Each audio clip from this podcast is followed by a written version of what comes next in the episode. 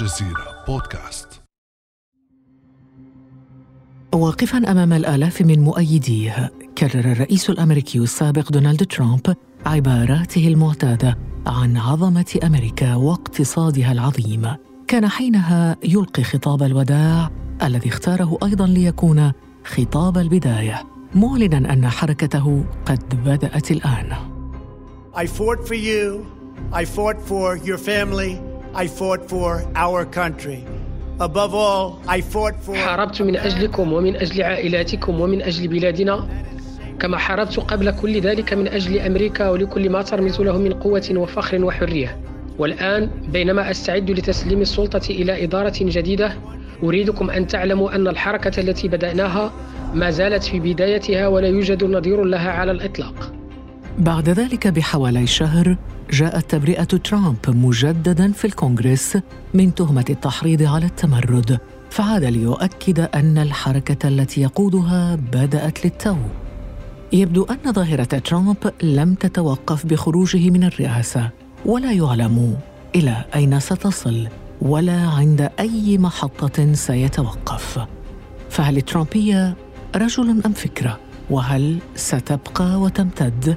وما تداعياتها على مستقبل الحزب الجمهوري؟ وهل الترامبيه فعلا عابرة للحدود والقارات؟ بعد أمس من الجزيرة بودكاست أنا خديجة بن جنة.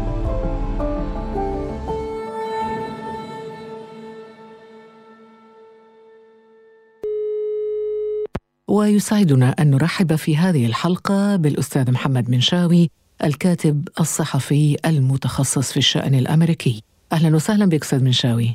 أهلا وسهلا أستاذ محمد منشاوي بداية ما هي ترامبية برأيك؟ كيف تعرفها وهل يمكن اختزالها في شخص رجل اسمه ترامب؟ بداية أعتقد أن الترامبية أكبر من الرئيس ترامب هي تيار عريض يجمع فئات يمينية محافظة اجتماعيا منغلقة أمريكيا. متدينة بصورة غير عادية ترى في الهجرة تهديدا لها وفي سياسات البيئة تهديدا للاقتصاد وفي إجراءات تقنين حمل السلاح تعدي على حقوقها الدستورية ويروا أن الإجهاض هو ضد تعاليم الرب ويروا أن فرض الضرائب هو وسيلة لاستبداد الحكومة. وهي طالما كانت موجودة في الخريطة السياسية الأمريكية لكنها لم تكن تجمع كل هذه الطوائف السياسية أو الاتجاهات السياسية معا. هو تيار عريض كما ذكرت. جاء ترامب من خارج المنظومة السياسية التقليدية ووحد كل هذه الفئات الاجتماعية السياسية اليمينية الشعبوية في لحظة تاريخية فريدة في التاريخ الأمريكي. وجمع هذه التيارات وأصبح هو المسيطر عليها الممثل لها الزعيم الملهم كما يراه الكثير منهم. وأعتقد أن جذورها تعود إلى جذور الحديثة لهذه الحركة إلى حركة الشاي حزب حركة الشاي الذي ظهر في أعقاب وصول الرئيس السابق باراك أوباما للحكم وهي حركة جاءت تعبر عن غضب الطبقة العاملة الأمريكية البيضاء نتيجة تبعات العولمه الاقتصادية عليها لكنها كانت مؤقتة أستاذ محمد مشاوي يعني حزب الشاي يعني نجمه أفل فيما بعد هل يكون ذلك أيضا مصير الترامبية برأيك؟ كحزب الشاي؟ ليس بالضرورة ما عبر عنه حزب الشاي هو ما يعبر عنه الترامبية الجديدة لكنها كانت بدون زعيم كانت حركة عريضة ليس لها مركزية ليس لها قائد. ترامب جاء استغل كل هذا الواقع الجديد وأصبح هو قائد ومعبر عن هذه الحركة التي استمرت حتى اليوم وأصبح هو ربانها والممثل الأهم له. إذا هناك تقاطع أو نقاط تقاطع بين حزب الشاي وفلسفة حزب الشاي وترامبية إذا. بالضبط. وترامب أصبح هو الممثل لها. كما ذكرت هي حركة واتجاهات كانت موجودة في التاريخ الأمريكي الحديث. جاء ترامب ووحد كل هذه الاتجاهات وعبر عنها وهي لم تكن لها زعامة قبل ذلك وأصبح ترامب هو الزعيم لهذه الحركة المستمرة حتى اليوم.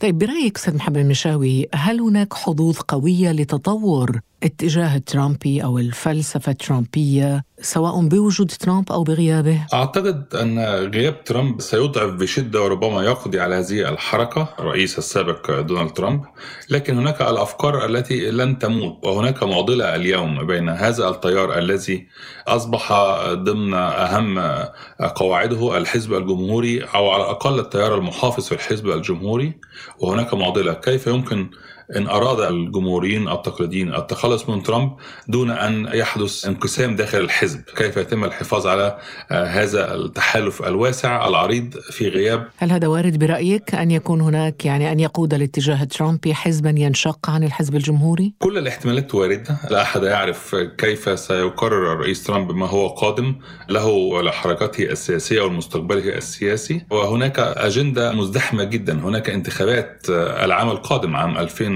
22 للكونغرس وهي مفصلية حيث أن هناك تساوي في مجلس الشيوخ بين الجمهوريين والديمقراطيين ويكفي الجمهوريين صوتا واحدا لتؤول إليهم الأغلبية. وهناك تقارب في مجلس النواب إذا حصل الجمهوريين أيضا على خمسة مقاعد فقط عما يملكونه اليوم ستكون لهم الأغلبية في مجلس النواب. وأيضا هناك انتخابات بعد أقل من أربع سنوات اليوم وهناك بدايات مبكرة لهذا الصراع اليوم في الجانب الجمهوري العريض.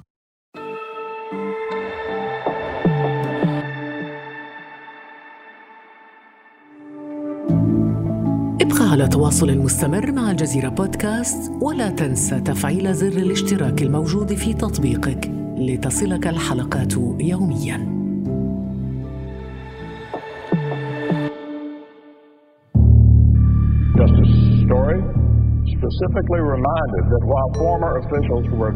ذكر القاضي جوزيف ستوري على وجه التحديد أنه على الرغم من أن المسؤولين السابقين ليسوا مؤهلين للمساءلة أو الإدانة في الكونغرس إلا أنهم لا يزالون عرضة للمحاكمة والعقاب في المحاكم العادية ما يعني بلغة اليوم أن الرئيس ترامب لا يزال عرضة للمحاسبة كمواطن عادي على كل ما قام به حينما كان في منصبه.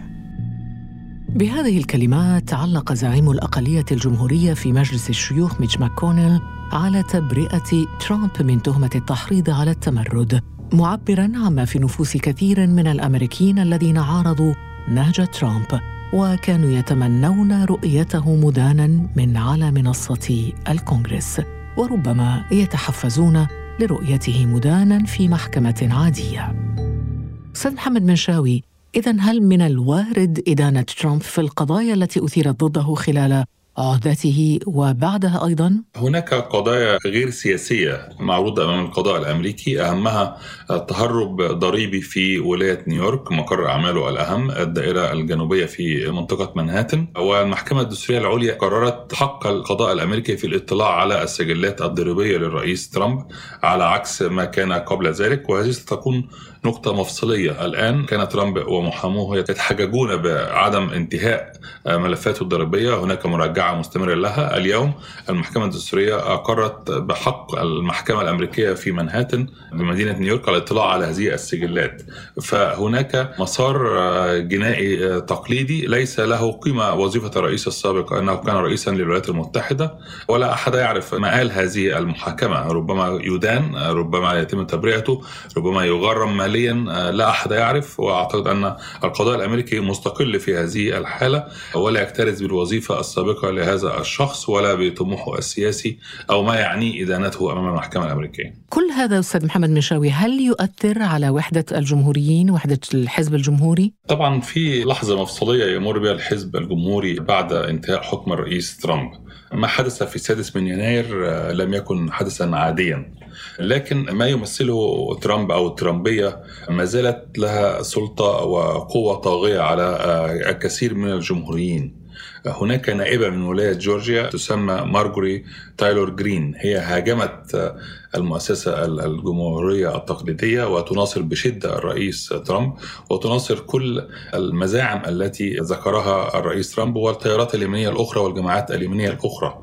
وفي تصويت ضدها في مجلس النواب لإزاحتها عن أحد لجان لجنة التعليم لم يصوت مع بقائها في هذا المنصب.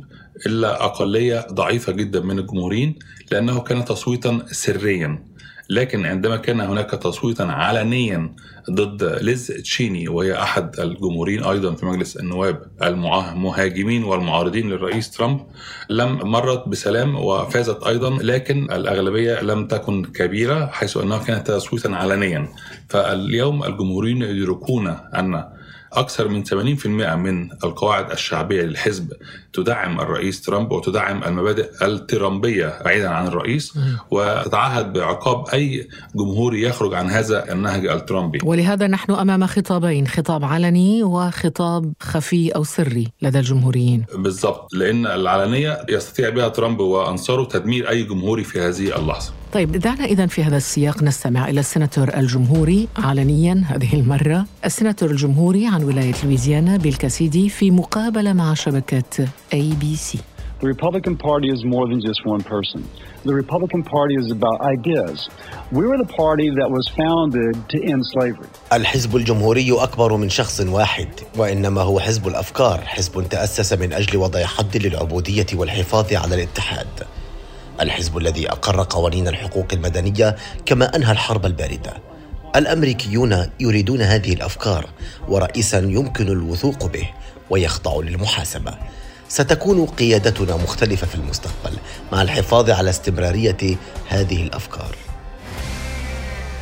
طيب أستاذ محمد مشاوي هل هذا الكلام واقعي برأيك؟ يعني هل الحزب أقوى من ترامب؟ أم ترامب أقوى من الحزب الجمهوري؟ هذا سؤال صعب جدا. الرئيس ترامب اليوم هو صاحب أكبر شعبية داخل الجمهوريين.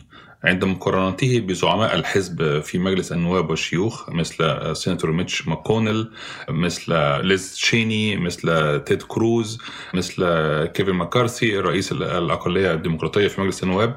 هو يتفوق بصورة كبيرة جدا. شعبيته تقترب من 80% بعد كل ما جرى وزادت الشعبية بعد تبرئته الثانية في محاكمة مجلس الشيوخ مقابل الأكثر يحصل على 20% من منافسيه داخل الحزب. فالرئيس ترامب كجمهوري ليس له منافس حتى اليوم عند القاعدة الانتخابية الشعبية. الحزب طبعا موجود وقوي وتاريخي لكن شعبوية اللحظة وشعبوية الرئيس ترامب تطغى على أهمية وشعبية وآليات الحزب الجمهوري. الحزب في ورطة اليوم. إن أراد قادته التقليديين التخلص من ترامب يخشون الانقسام وخروج الكثير. طب هذا ممكن برأيك؟ طي صفحة ترامب والرجل معه 74 مليون صوت هل هذا وارد؟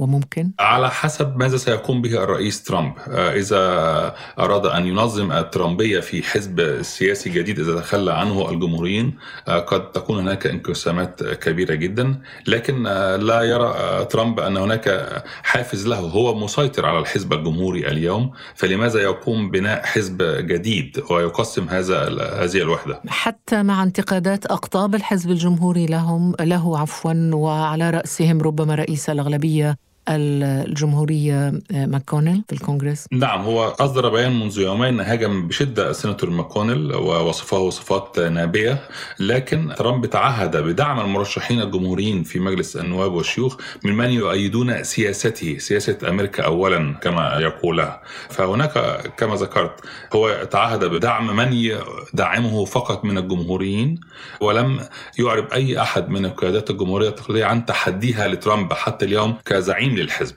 من أبرز داعمي في الحزب؟ أكبر داعمي الرئيس هم مرشحي كما ذكرت في البداية مجموعة حزب الشيعة الأصلية السيناتور تيد كروز من تكساس السيناتور جوش هولي من ميزوري كثير من أعضاء مجلس النواب مثل مارجوري تيلور جرين وغيرها المعارضة خرجت فقط من عدد قليل جدا من الزعامات مثل ميتش ماكونيل لكن هذا رجل تاريخ وراءه وعلى وشك التقاعد قريبا هو في أواخر السبعينات من العمر وليس له طموح سياسي لكن أي جمهوري آخر آخر.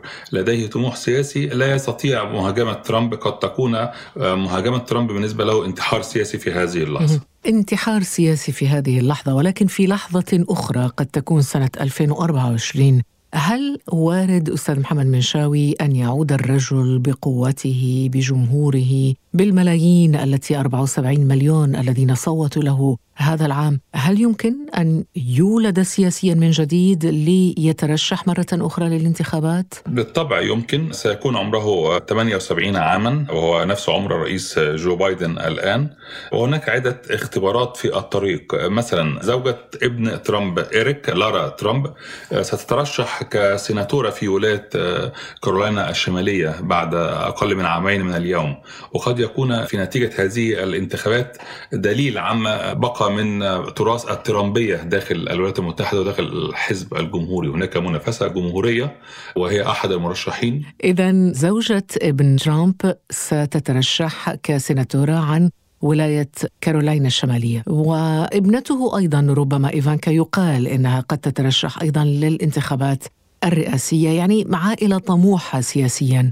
هل هذا يكرس الترامبية كنهج يعني له مستقبل كبير؟ بالطبع ترشح زوجة ابن ترامب والطموح السياسي لابن ترامب إيفانكا ترامب الرئاسي. هذا يعني أنهم يدركون بشدة قوة وفعالية الترامبية وأن هذا ال last name الاسم الأخير لهم اسم العائلة هو رأس مال كبير جدا. يمكن لهم استغلاله سياسيا في هذه الحالة من لارا ترامب أو من إيفانكا ترامب. لكن لو افترضنا أستاذ محمد منشاوي نهاية ترامب سياسيا أليست الترامبية الآن كنهج كفلسفة مغرية لظهور زعماء شعبويين آخرين يستثمرون في إرث ترامب وقاعدته الانتخابية سواء داخل الولايات المتحدة أو خارج الولايات المتحدة أيضا. بالطبع التيار الترامبي والترامبية تمثل حركة أمريكية وعالمية في الواقع كبيرة جدا هي تعارض الهجرة. تعارض السياسات البيئية الجديدة تعارض أي قيود على حق امتلاك السلاح تعارض الإجهاض تعارض الإصلاح الضريبي أو ارتفاع المعدلات الضريبية. وهذه الأفكار لن تموت باختفاء أو موت ترامب على سبيل المثال وسيحاول أن يقودها زعماء آخرين. هناك قائمة كبيرة من الترامبيين الجدد. في مجلس الشيوخ تحديدا ممن لهم طموح سياسي لكنهم لم يعبروا عنه خوفا أن يدخل الرئيس ترامب في الانتخابات القادمة. لكن فيما بعد ترامب إن اختفى من المشهد السياسي هناك قادة سيرفعون راية الترامبية في الحزب الجمهوري. وربما أيضا التيارات اليمينية الشعبوية في العالم وخاصة في أوروبا تستلهم أيضا من الترامبية الأمريكية. إذا تراها ربما عابرة للحدود والقارات الترامبية أستاذ محمد؟ نعم وهناك نقطتين في هذا الموضوع. بعد جائحة الإنفلونزا الإسبانية قبل قرن من الآن في ألمانيا تحديدا صوت الكثير من الألمان بعد هذه الجائحة للحزب النازي. والبعض يربط جائحة كورونا وبتصويت التيارات اليمينية الأمريكية والأوروبية للأحزاب اليمينية بعد تفشي شائعات والأكاذيب حول هذا الفيروس ومن وراءه. نفس ما حدث قبل قرن في ألمانيا وأدى إلى ظهور هتلر. البعض يرى أن هتلر الجديد لم يظهر بعد في الولايات المتحدة ولا في أوروبا أن ترامب هذا كان تمهيدا لما هو قادم وقد يكون أسوأ. الأستاذ محمد منشاوي الباحث المختص في الشأن الأمريكي شكرا جزيلا لك معنا على هذه المشاركة في البودكاست. وشكرا لك مرة ثانية لأنه صحيناك صباحا ويبدو لي الساعة السابعة الآن عندكم بأمريكا. نعم وأنا يعني لا تريني لكن أنا في ألبس بيجامتي وسأعود للسرير بعد الغلق الآن. إذا نتمنى لك إن شاء الله قهوة دافئة وجو أكيد في هذا الجو البارد. أنت محتاج إلى دفء القهوة. شكرا جزيلا لك الله محمد. شكرا جزيلا. كان هذا بعد أمس.